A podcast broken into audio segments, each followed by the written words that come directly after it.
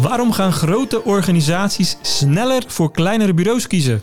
En is de overnamegekte nu eindelijk voorbij? Wij delen onze voorspellingen in de agency-branche in 2024. Mijn naam is Alain Ik ben Fabian. en je luistert naar de Digitaal Bijpraten podcast. Yes, en we zijn weer terug voor de tweede aflevering Yes, hoi hoi. van het jaar. Eh, de voorspellingen in agency-branche voor 2024. Juist. Ja. Van vorige week terugkijken, nu vooruitkijken. Ja, inderdaad. Voordat we dat gaan doen, ehm, toch nog even een reminder. Ehm, de, onze podcast gaat een beetje veranderen, of is eigenlijk al aan het veranderen.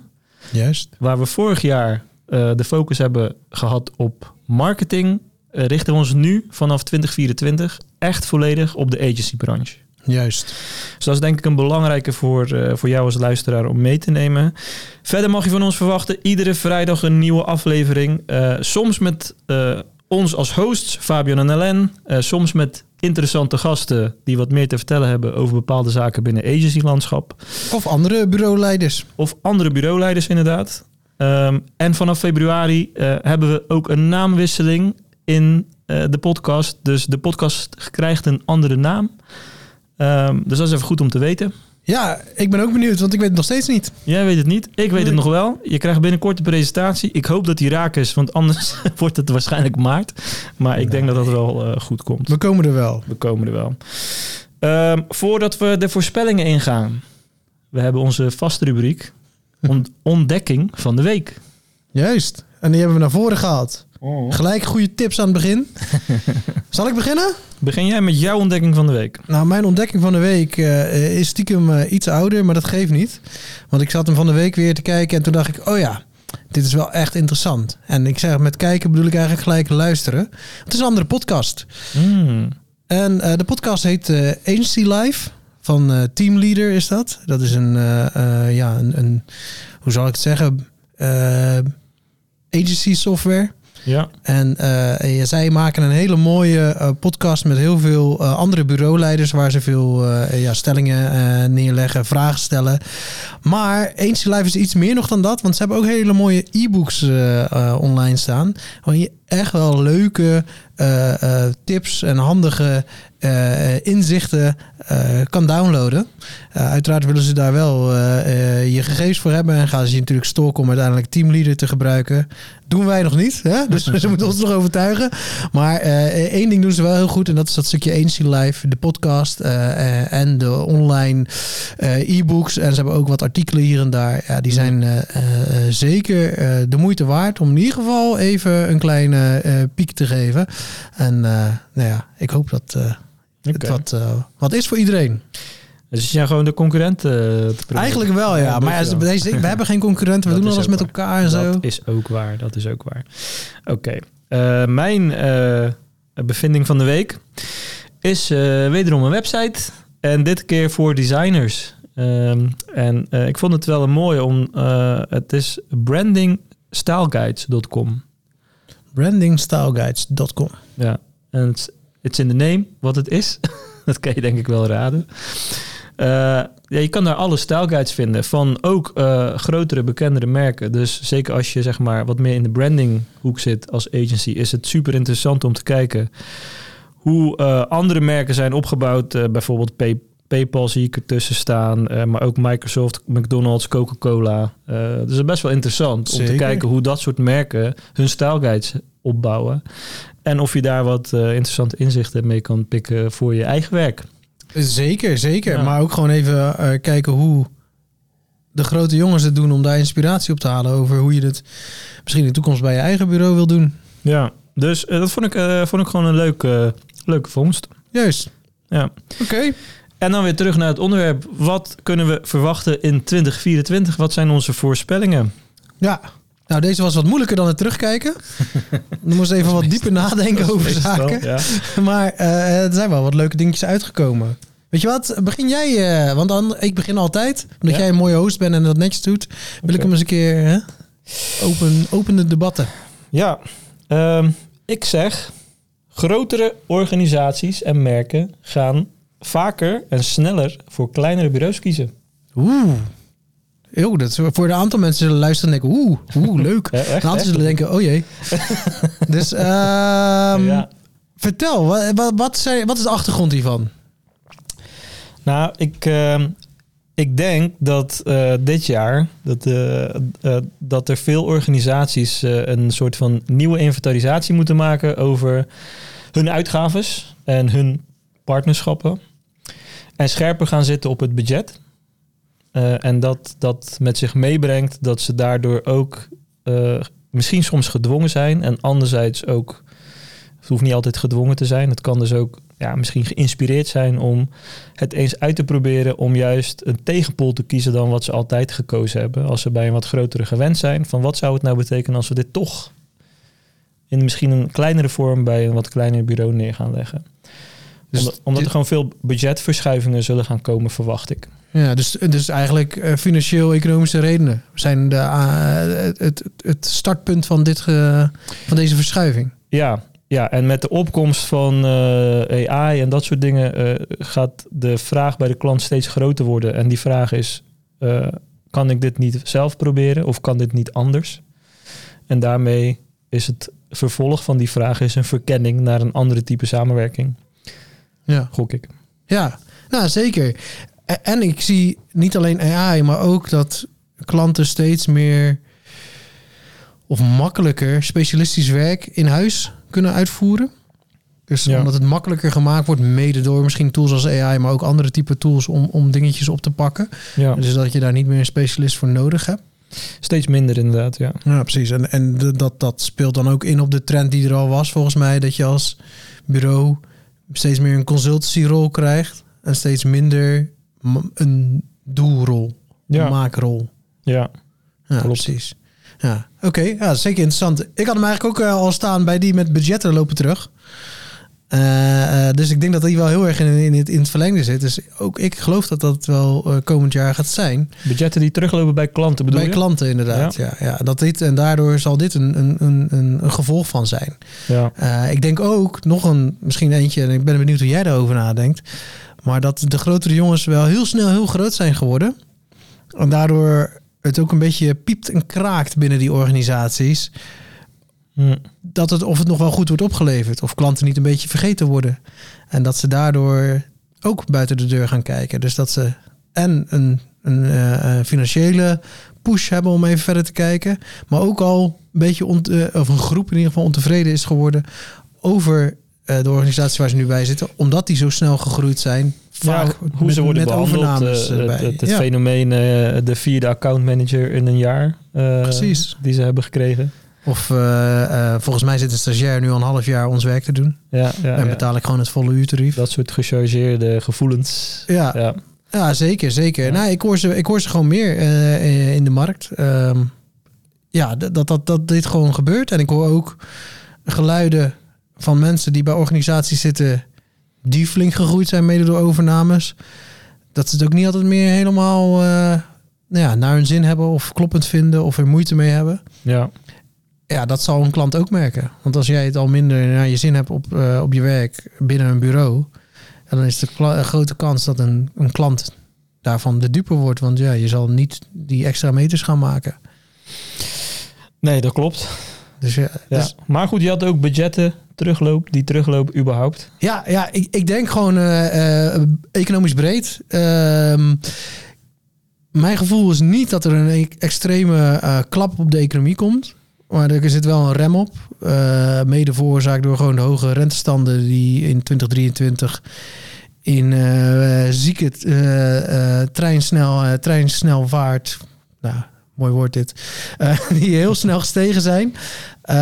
Waarin we een van de, zo niet de hoogste rentestanden in, in, in, in volgens mij wel 25 jaar hebben. En eh, dat heeft altijd als gevolg dat economieën een beetje eh, afkoelen. En als economieën afkoelen, eh, raakt dat per definitie ook de bureauwereld. Want ja, die zitten bij iedereen. Dus als er een, een, een, een branche is die geraakt wordt, dan wordt indirect ook de bureauwereld daarmee geraakt. Aan de andere kant is het ook, als een branche lekker groeit, groeit de bureauwereld ook vaak lekker mee. Ja. Maar ehm, ja, ik zie, dat, ik zie dat wel gebeuren. Dus dat we hoog over macro-economisch iets gaan merken wel. Ja, oké. Ehm, ik zal mijn volgende punt benoemen. Vertel. Eh, even kijken.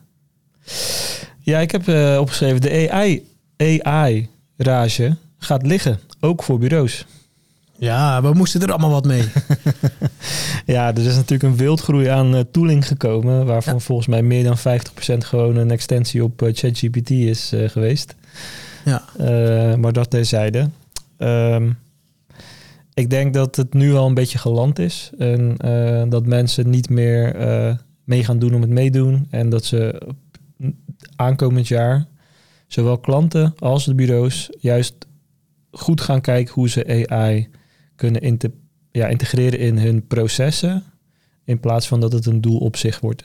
Ja, ja precies. Ja, ik, ik, eh, ik ben het er ook wel heel... Ja, ik, ik, ik zie dit ook. Het is, eh, het is van, eh, van, een, van een hype is het naar wat kunnen we er eigenlijk mee? Ja. Maar het is wel iets heel waardevols. Want Het gaat niet weg. nee, Het gaat zeker niet weg. Ik denk dat er heel veel tools verdwijnen, omdat ze gewoon eh, ja, onzinnig zijn gebleken. ja, maar AI als thema gaat niet weg. nee. Nee, ja, ik, ik- ga nu een beetje mensen napraten hoor. Maar ja, we hadden ook de internetbubbel in eh, het begin van eh, dit millennium. Eh, waarvan iedereen zei, ja zie je, dat internet gaat toch niet werken. Eh, we, we kregen natuurlijk, eh, eh, nou ja, de, de, de, de Web3 slash crypto eh, eh, bubbel waarvan iedereen zei van ja, dit gaat niet werken. En ook dat zie je nu weer volle bak terugkomen en grotere adoptie dan ooit. Maar eh, we hebben zo'n hoge piek gehad met AI en iedereen wilde er wat mee en ging er wat mee doen en heeft er wat mee gedaan. En eh, heel veel teleurstellingen die er achteraan kwamen.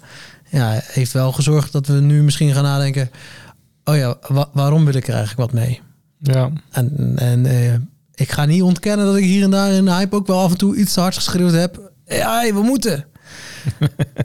maar dat Ja. ze dan vroegen, ja, maar waarom moeten we dan? Of wat moeten we dan? En dat ik ook wel zei, eh, nou, eh, banen gaan verdwijnen. En daar sta ik nog steeds achter.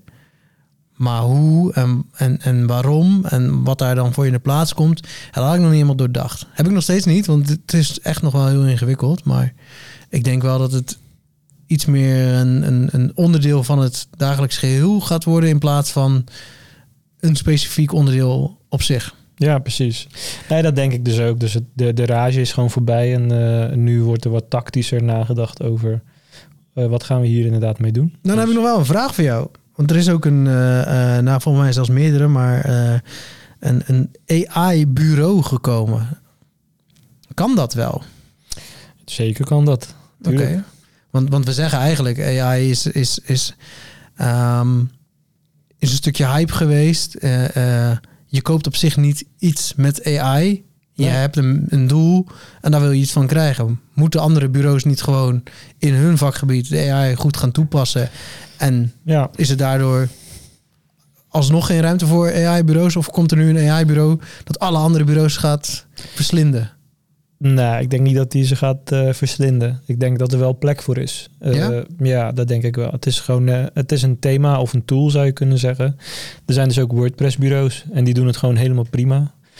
Maar er zijn ook CMS-bureaus die goede CMS'en bouwen en die doen het ook helemaal prima. En ik denk dat er ook gewoon plekken zijn om, als jij een goed consult eromheen kan ontwikkelen, dat je een AI-bureau eh, kunt oprichten en daar zelfs nog gradaties in maken. Een AI-salesbureau of een eh, AI Of een ChatGPT-bureau? Of een eh, inderdaad ChatGPT-bureau of whatever. Ik denk dat dat wel, wel kan, ja. Ja, oké. Ja. Ja. Nou, ik, ik, ik, eh, ik, moet daar, ik, vind het ook wel lastig hoor. Want wa- wat, wat doe je als AI-bureau? Nou, en wat is de verwachting van de klant? Dat is me nog Wat belangrijker. koop denk je? ik. Ja, precies. koop Wat koop ik bij een. AI-bureau? Koop ik daar heel veel geschreven teksten? Ja. Of perfect gemaakte, eh, oneindig veel plaatjes? Versus een strategie of een consult over hoe ga je nou AI binnen jouw vakgebied het beste toepassen? Ja. Het zijn totaal Ja, verschillende dingen. eh, tweeledig eh, denk ik dat je op, op, op productbasis eh, dingen zoals extensies en plugins voor specifieke oplossingen. Dus dan krijg je een retainer model in je AI-bureau. waarin je betaalt om iets te gebruiken wat AI toevoegt aan iets. Dus dan moet je denk ik ook wat softwareontwikkeling kunnen doen. Het is bijna SaaS-achtig. Ja, dat, hè, dat, zo zou ik hem zien. Maar het kan inderdaad ook consultancy zijn waarin ik denk met name eh, adoptie een ding is. Oké, hoe kunnen wij als organisatie, eh, hoe kan AI ons helpen om ons werk beter en sneller te doen? Juist. Even als hoog overvraag.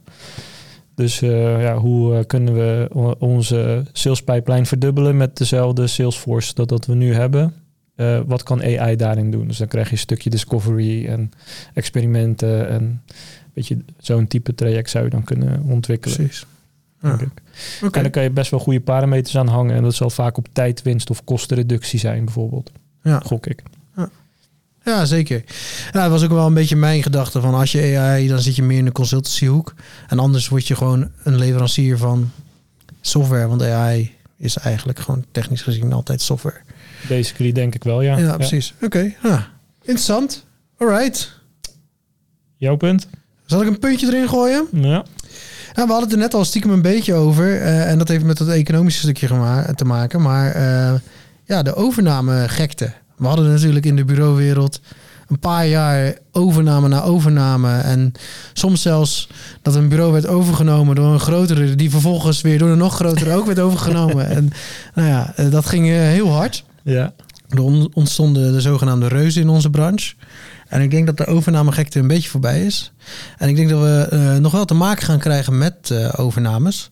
Maar dat de overnames eh, misschien minder vanuit de gekte en vanuit Opportunisme misschien. opportunisme worden inderdaad neergezet. En ook niet meer ja, bizarre prijzen die ik soms hoor voor het kopen van een bureau. Want ja, als je een bureau koopt, koop je technisch gezien een, een workforce. Eh, meer eigenlijk niet. En, en, En en, klanten. een merk. En daar hangen wat klanten aan. En that, that's it. Dus, eh, en, en dan de bedragen die daarvoor werden neergelegd. nou, dat zijn dingen waarvan ik wel... Oké, pittige investering. Ehm, ik denk dat de overnamegekte wel een beetje voorbij is. Maar dat er nog wel overnames zullen zijn. Maar dat het dus ook de andere kant op gaat. Noodlijdende bureaus die gewoon denken van ja, oké. We hebben niet veel meer keuzes dan nu of aan te sluiten eh, of de deur te sluiten. En die dan voor de aansluiting gaan. Want eh, eh, vaak zitten daar wel gewoon eh, bureauleiders die wel willen dat het ergens op een bepaalde manier voort kan zetten. Of dat de banen behouden kunnen worden. Ja. Dus ik denk dat we daar stiekem iets meer van gaan zien. Ehm, Dus meer eh, overname vanuit, eh, vanuit het bureau in plaats van vanuit de groep. Eigenlijk meer een overnamebehoefte, ja, de Nou ja, het is, een, eh, het is niet per se een behoefte, het is meer een uitweg vanuit de behoefte van voortbestaan. Ja. Eh, dus, dus ik denk dat we daar wel wat, eh, wat gaan zien de komende periodes.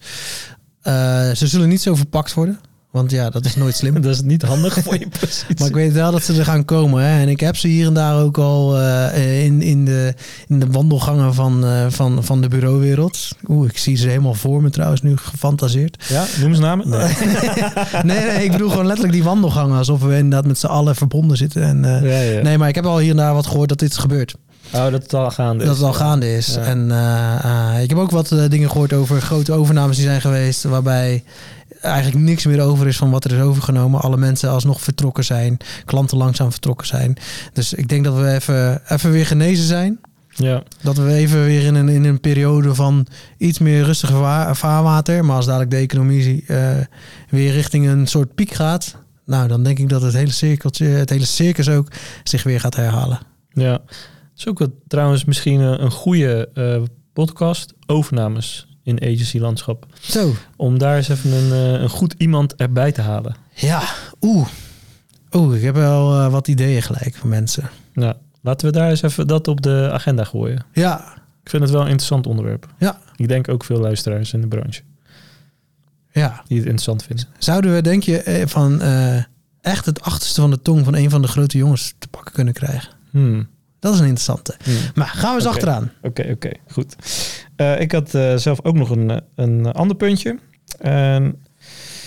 Succesvollere agencies zullen meer op resultaat pitchen in plaats van output. Oh ja. En dat heeft eigenlijk een beetje in het verlengde wat we in het begin al zeiden.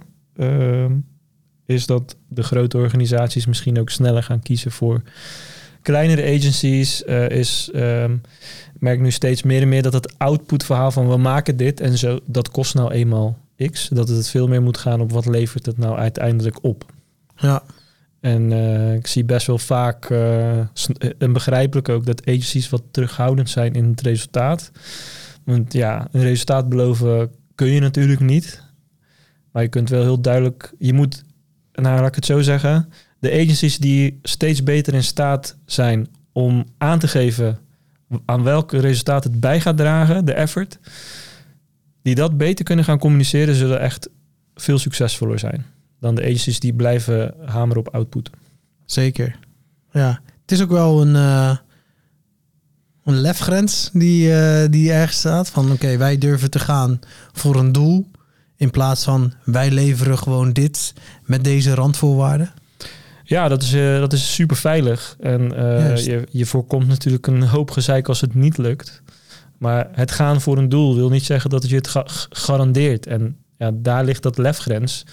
Dus wanneer je het uitspreekt, dat je toch het gevoel hebt dat je er accountable voor gehouden wordt. Ja. En daar moet en hè, daar zit die, uh, die grens ook dat je relatie veel belangrijker moet maken met die klant. Zeker. Je moet een relatie opbouwen met die klant waar je juist over dat soort dingen makkelijker kan gaan praten. Zeker. Ja, want het werkt vaak ook twee kanten op. Hè? Uh, want zo'n klant heeft ook een doel en wil ook iets najagen. En dat doen ze ook binnen hun organisatie. Ja. En die halen ook wel eens hun doelen niet. Terwijl Siri even tussendoor iets zei. even opnieuw. Nou, die halen hun do doelen soms ook niet. Dat is wat je zei. Die, ja, dat, ja, dat klopt. Nou, soms haal je zelf ook je doelen niet als organisatie. En dan moet je jezelf ook verantwoorden intern. Ja. Maar dat betekent niet dat er gelijk koppen gaan rollen. Nee, dat is En- nou eenmaal part of the game, toch? Precies. En verantwoording afleggen betekent niet eh, dat je een loser bent die iets niet gehaald heeft. Het geeft aan, we dachten dit te doen, dit is er gebeurd. En eh, we denken dat het daar en daardoor komt. En we denken zo weer wel verder te kunnen komen. Dat is waar het over gaat. En zo kan je je ook als agency opstellen. Ja. Door gewoon te zeggen, ja, we dachten echt dit te halen. We hebben het echt niet gehaald. Maar we hebben wel deze learnings eruit gehaald. En we zien nu dat deze route nog veel beter is. Zo'n klant wil namelijk niet weg bij zijn agency. Een, een, klant, een, een klant heeft niet zoiets van, oh, ik ga volgend jaar weer eens lekker wisselen. Nee, zeker niet. Ze Nee. gaan pas wisselen als ze denken, we kunnen echt niet verder op deze manier. En wanneer denken ze dat? Als, ze, als jij de hele tijd zegt, ja, maar ik heb toch geleverd. Ik heb toch geleverd. Maar zij hun doelen niet halen. Ja, je ziet heel veel, zeker bij de, bij de wat kleinere specialistische agencies, is dat natuurlijk eh, het meest het geval, is dat ze op die output blijven hameren. Eh, ja, we hebben toch gewoon zoveel bezoekers naar je website getrokken of dat soort simpele metrics. Dat ik denk van ja, dat is waar de klant eigenlijk helemaal niet naar op zoek is. Nee. Eh, die wil gewoon iets bereiken en je moet, dat, je moet begrijpen waar, waar, je, waar je aan meespeelt, zeg maar, in welke wedstrijd je zit. Precies. Ja. Ja. En, en als je laat zien dat je het begrip hebt, en dat is eigenlijk werken aan die relatie, dan kan je zelfs drie keer op je bek gaan. Dan eh, is de klant ook een stuk vergevelijker, ja. Ja, Ja. dat denk ik ook. Maar dat is dus een eh, voorspelling voor mij, is dat agencies die die switch aankomend jaar durven te maken, want het is echt durven, Mhm. dat die wel wat meer succes zullen gaan boeken. Interessant. Moeilijk te meten wel. Moeilijk te meten. Maar kunnen we ook aan het einde van het jaar zeggen, ja, ik had gelijk. nee, we gaan eens kijken hoe dat eh, gaat lopen, inderdaad. Ja. Zal ik weer eens even er eentje ingooien? De laatste is dit. Oh, de laatste alweer. Oeh. Ja, ja, ja. Nou, ik eh, heb opgeschreven, eh, ehm, 2024 wordt het jaar waarin de arbeidsmarkt binnen de bureauwereld weer terug in balans komt. Oké. We hebben eh, heel lang onbalans gehad. Twee kanten op. Ik denk als we... Ik ga even een, een, een, een, een, een getal droppen. Maar eh, voor 2019, dat er een disbalans was in... eh, dat het te veel eh, werkgever gericht is, om het zo maar even te noemen. Dus dat het de, de bureaus het voor het zeggen hadden over hun aannames... en dat er weinig schaarste in de markt was eh, op de meeste gebieden. En dat in 2019 er een kanteling is gekomen en dat die super snel is doorgezet.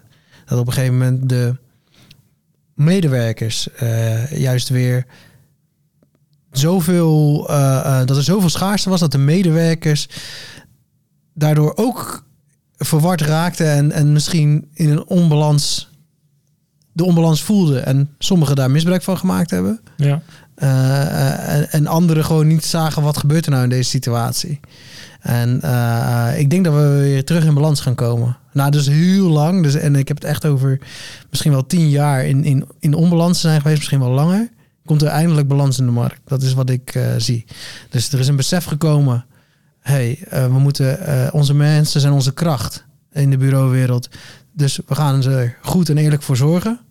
Maar er is nu ook een besef gekomen van oké, maar het blijft wel een arbeidsmarkt waarin mensen eerlijke eisen moeten gaan neerleggen. Op een goede manier moeten gaan samenwerken met, met elkaar, maar ook met hun, hun werkgever. Waardoor ja, ik denk het heel leuk gaat worden. En onze branche nog krachtiger gaat worden daardoor, omdat er balans is. In plaats van ja, dat er een partij toch een soort overhand heeft in, ja. in het geheel. Ja, je bedoelt eigenlijk dat de medewerkers uh, wat meer overmacht hebben gehad. Zeker, ik denk dat de laatste drie jaar in heel veel vakgebieden binnen de bureauwereld, ja, het, het een beetje bijna konden eisen wat ze willen. natuurlijk wel tot, tot zekere hoogte. Als we het hebben over voorwaarden. Um, dat er, uh, maar dat er daarvoor ook heel erg is, uh, um, juist die onbalans is geweest van, ja, dat ze een beetje gebruikt zijn geweest. Mm. Dus, nou ja, laat ik zeggen dat de onderbetaling vroeger wel een, een ding was. ontwikkeling, persoonlijke ontwikkeling van mensen, ja, toch wel niet heel hoog op het, op het lijstje stond, maar vooral gewoon wat is je output? Inderdaad, wat is je output? Wat lever je op? En, en dat soort zaken. Nou, dat we dus nu veel meer bezig zijn. Oké, hoe ga jij je ontwikkelen? En hoe gaat dat zich de organisatie verder helpen? Dus hoe gaan we samen ontwikkelen? Uh, en dat we wel de randzaken in de gaten houden. Ben je wel met, genoeg met de juiste dingen bezig om ook te zorgen dat de organisatie uh, um, stabiel blijft of groeit? Dus ik zie dat helemaal terugkomen. Uh, hey, wat voorbeelden die ik niet heb meegemaakt trouwens nog, maar uh, die ik wel heb gehoord van, van, van nou ja, collega uh, bureau leiders, om ze zo even te noemen. starters die met salariseisen kwamen, die soms boven de 3000 per maand zaten, terwijl ze een starter zijn, ja. net van school. ja, wat, waarvan ik denk, ja, hoe kom je daarbij? of die um, uh, ja, eigenlijk de vraag neerleggen van... Ja, ik wil een jaar werken en daarna wil ik freelance door. Want dan wil ik hier komen leren en dan verder. En dan zeggen dat is toch gewoon heel, heel normaal. Ja, dan ben je niet samen aan het bouwen. dus dat soort uh, dingetjes, die, die, die, die gaan we niet meer horen. Freelancers die uurtarieven durfden te vragen... die boven het tarief van het bureau lagen. En die soms alsnog werden aangenomen dat ze dachten... ja, anders kan ik mijn klant niet leveren, gaat die weg.